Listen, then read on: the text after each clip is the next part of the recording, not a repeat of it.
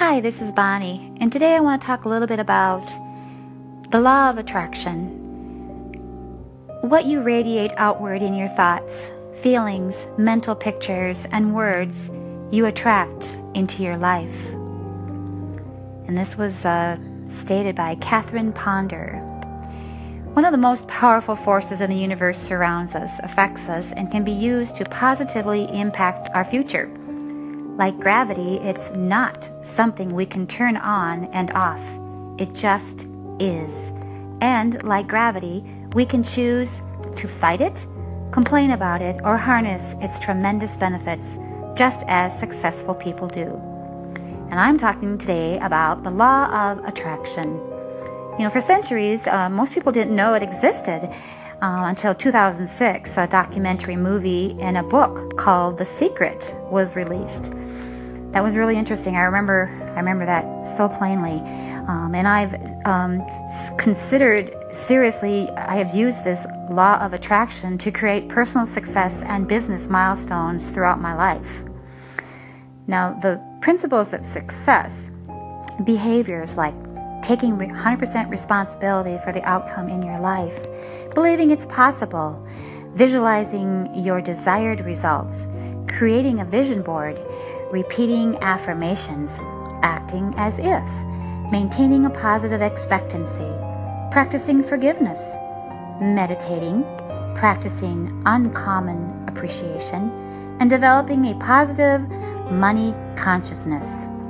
Since the law of attraction um, became so popular, um, let's take a few minutes to discover what it is, how it works, and most importantly, how you can use it to create in your life to create this, the results that you want.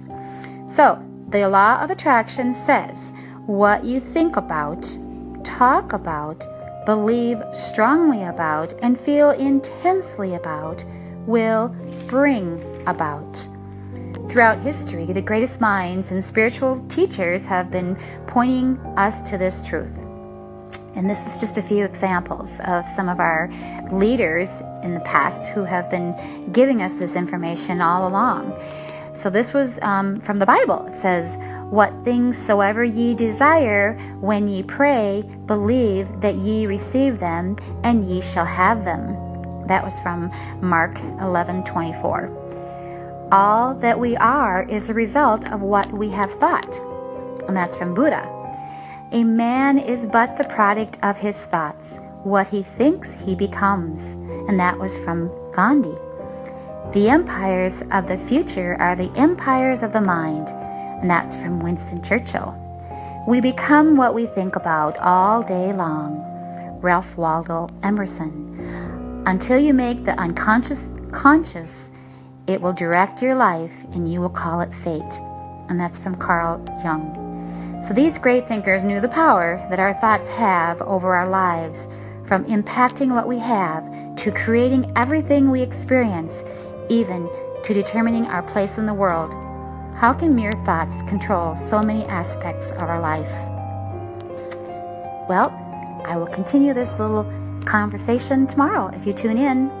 Thank you. Bye for now.